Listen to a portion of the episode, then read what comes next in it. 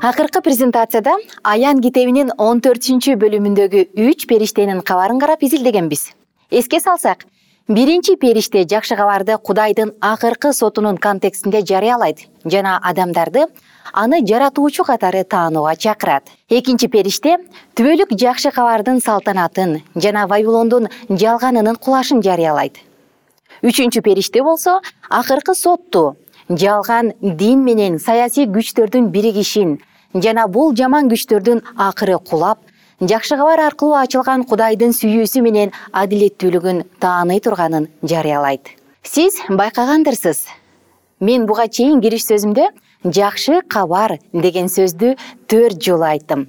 Кээде жакшы кабар деген сөз чаташтырылып же туура эмес түшүнүлүп калышы мүмкүн. Албетте жакшы кабардын эң таралган байланышы бул жаңы осуяттагы алгачкы төрт китебине таандык. Алар матай марк лука жана жакан болуп чогуу инжил деп аталат. Бирок жакшы кабар деген сөз дагы кеңири мааниге ээ болушу мүмкүн. Ошондуктан мындан ары өтүүдөн мурун анын чыныгы аныктамасын түшүнүү маанилүү. Мына ушул жакшы кабар менен ыйса биздин дүйнөгө келгенге бөлүшөт эгер ким ыйсаны өзүнүн куткаруучусу катары кабыл алып жүрөгүн өзгөртүүгө уруксат берсе ага куткаруу жеткиликтүү болуп калды. Аян китебиндеги үч периштенин баардык билдирүүлөрүндө ачык көрүнүп тургандай. Алар жакшы кабарды жарыялашат. Машаяк өз элинин куткарылуусу үчүн ага кайрылып анын ырайымын алууга чакырат. Эми келгиле бир аз тереңирээк изилдеп жакшы кабардын кандайча иштерин атайын карап көрөлү. Жакшы кабар деген сөз аян китебинин кириш сөзүндө колдонулот китептин автору жакан текстте доксологияны колдонот. Ал ыйсаны мактоо же макта түрүндө жазылган кичинекей үзүндү дегенди билдирет. Бешинчи аяттын биринчи бөлүмүндө ал бул китепти бизди сүйгөн жана күнөөлөрүбүздөн өз каны менен жууганга арнаган бул жерде жакан ыйса машаякты курмандыкка барып күнөөнүн күчүн жок кылган сүйүүнүн айкалышы катары ачат. Бизди кудайга кызмат кылып ал аркылуу куткарылуу үчүн бизди бошоткон. Жакан текстте бизди сүйөт деген сөздөрдү учур чакта пайдаланып турганын көңүл бурсаңыз ыйса өткөн чакта бизди сүйгөнүн же келечекте бизди сүйөрүн айткан эмес. Ал биздин мурунку же келечекте кыла турган күнөөлөрүбүз кудайдын бизге болгон сүйүүсүнүн тынымсыз агын токтото албайт экенин айтып турат.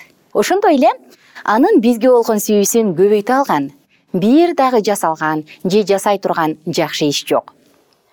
Кудайдын сүйүүсү туруктуу жана өзгөрбөйт. Биз иштер менен эмес анын сүйүүсү жана ырайымы менен гана куткарылабыз. Ошондуктан жакшы кабар биз үчүн чоң жаңылык жакшы кабар ыйсанын айкаш жыгачта өлүшү менен биз үчүн мүмкүн болду. Ал биздин күнөөкөр кулаган табиятыбызды кудайдын жеткилең табияты менен байланыштырган көпүрө болуп калды. Ыйык китепте күнөөнүн күчүн жок кылган механизм кандайча иштегенин түшүнө албайбыз. Анткени аны түшүнүү биздин аң сезимибизден жогору турат деп айтылат.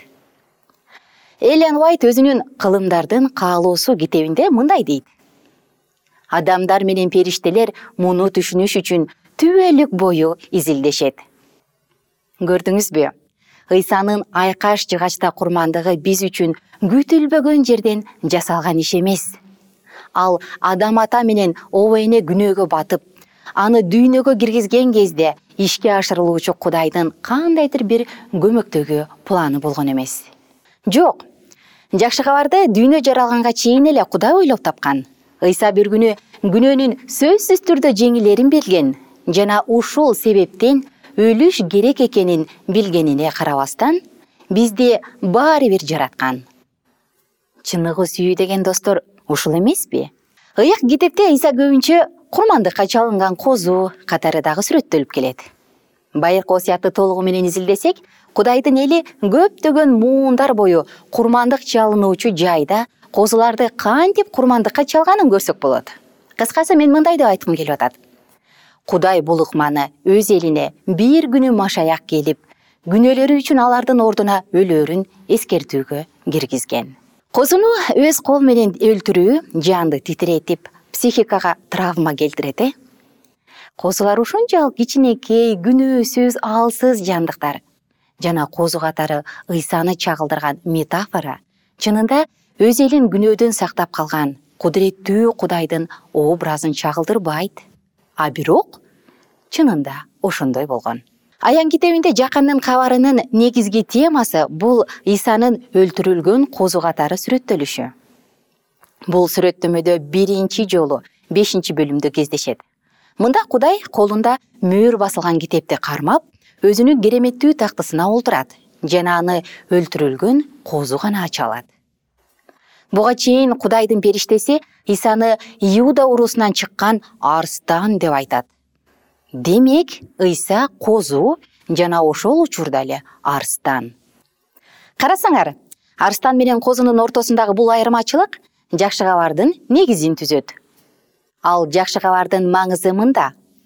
Иуда арстаны бул кудуреттүү күнөөнү жеңүүчү кудай ал биз үчүн өлүүнү тандап бул жерге келгенде курмандык козуга айланды. Өзүн өзү басынтып айкаш жыгачка чейин алып баруу ыйык китепте өлүмдүн эң аярлуу оор жана коркунучтуу жолдорунун бири болгон. Бирок алсыздык күчкө айланды. Аян китебинин бешинчи бөлүмүнүн тогузунчу аянтында жакан мындай деген. Адамдар кудайдын тактысынын алдына козуну көрүп жүз төмөндөп жыгылып ага сыйынышат жана мындай деп ырдашат. Сен татыктуусуң анткени сен мууздалдың өз каның менен ар бир уруудан ар бир тилден ар бир элден жана ар бир улуттан бизди кудайга сатып бердиң андан кийин жетинчи бөлүмдүн он төртүнчү аятында жакан адамдардын кийимдери козунун каны менен кантип жуулуп агарганын сүрөттөйт ыйсанын курмандыгы адамдарды куткарып гана койбостон аларды күнөөнүн күчүнөн тазалаарын көрүп турабыз. Дал ушул күнөөдөн тазалануу бизге кудайдын алдында болууга жана бул жерде кудайга кызмат кылууга мүмкүнчүлүк берет. Эми шайтанга каршы күрөштө биз дагы ыйсага кошулуу сыймыгына ээбиз. Эмне кылыш керек? Аян китебинин он экинчи бөлүмүндө он биринчи аятта биздин күнөөлөрүбүздүн сөзү аркылуу мүмкүн болгон деп айтылат. Эгерде биз ыйсанын курмандыгы менен күнөөдөн куткарылып тазалансак анда биз үчүн кудай эмне кылганын башкаларга күбөлөндүрө алабыз. Жана бул шайтандын дүйнөдөгү үстөмдүгүн сындырууга дагы жардам берет. Биз достор акыр заман конфликтинин туу чокусуна жакындап калганда шайтан алдамчылык жана куугунтук аркылуу кудайдын элин жеңүүгө аракет кылып христиан динин бурмалап аны дүйнөлүк саясий күчтөр менен бириктирерин билебиз. Экинчи жана үчүнчү периштелердин кабарлары бул тууралуу бизге эскертет. Бирок ошол эле учурда кудай өзүнүн эли аркылуу акыр заманда баардык улуттардан уруулардан жана тилдерден машаяктын кайтып келишине даярданууга чакырып жатат. Бул акыры күрөштөгү жеңиш козунун төгүлгөн каны аркылуу гана мүмкүн боло алат.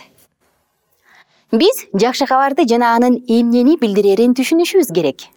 Биз машаяктын курмандыгын жана куткаруу белегин кабыл алышыбыз керек.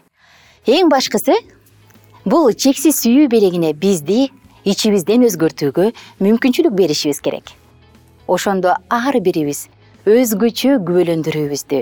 Дүйнө менен бөлүшүп алабыз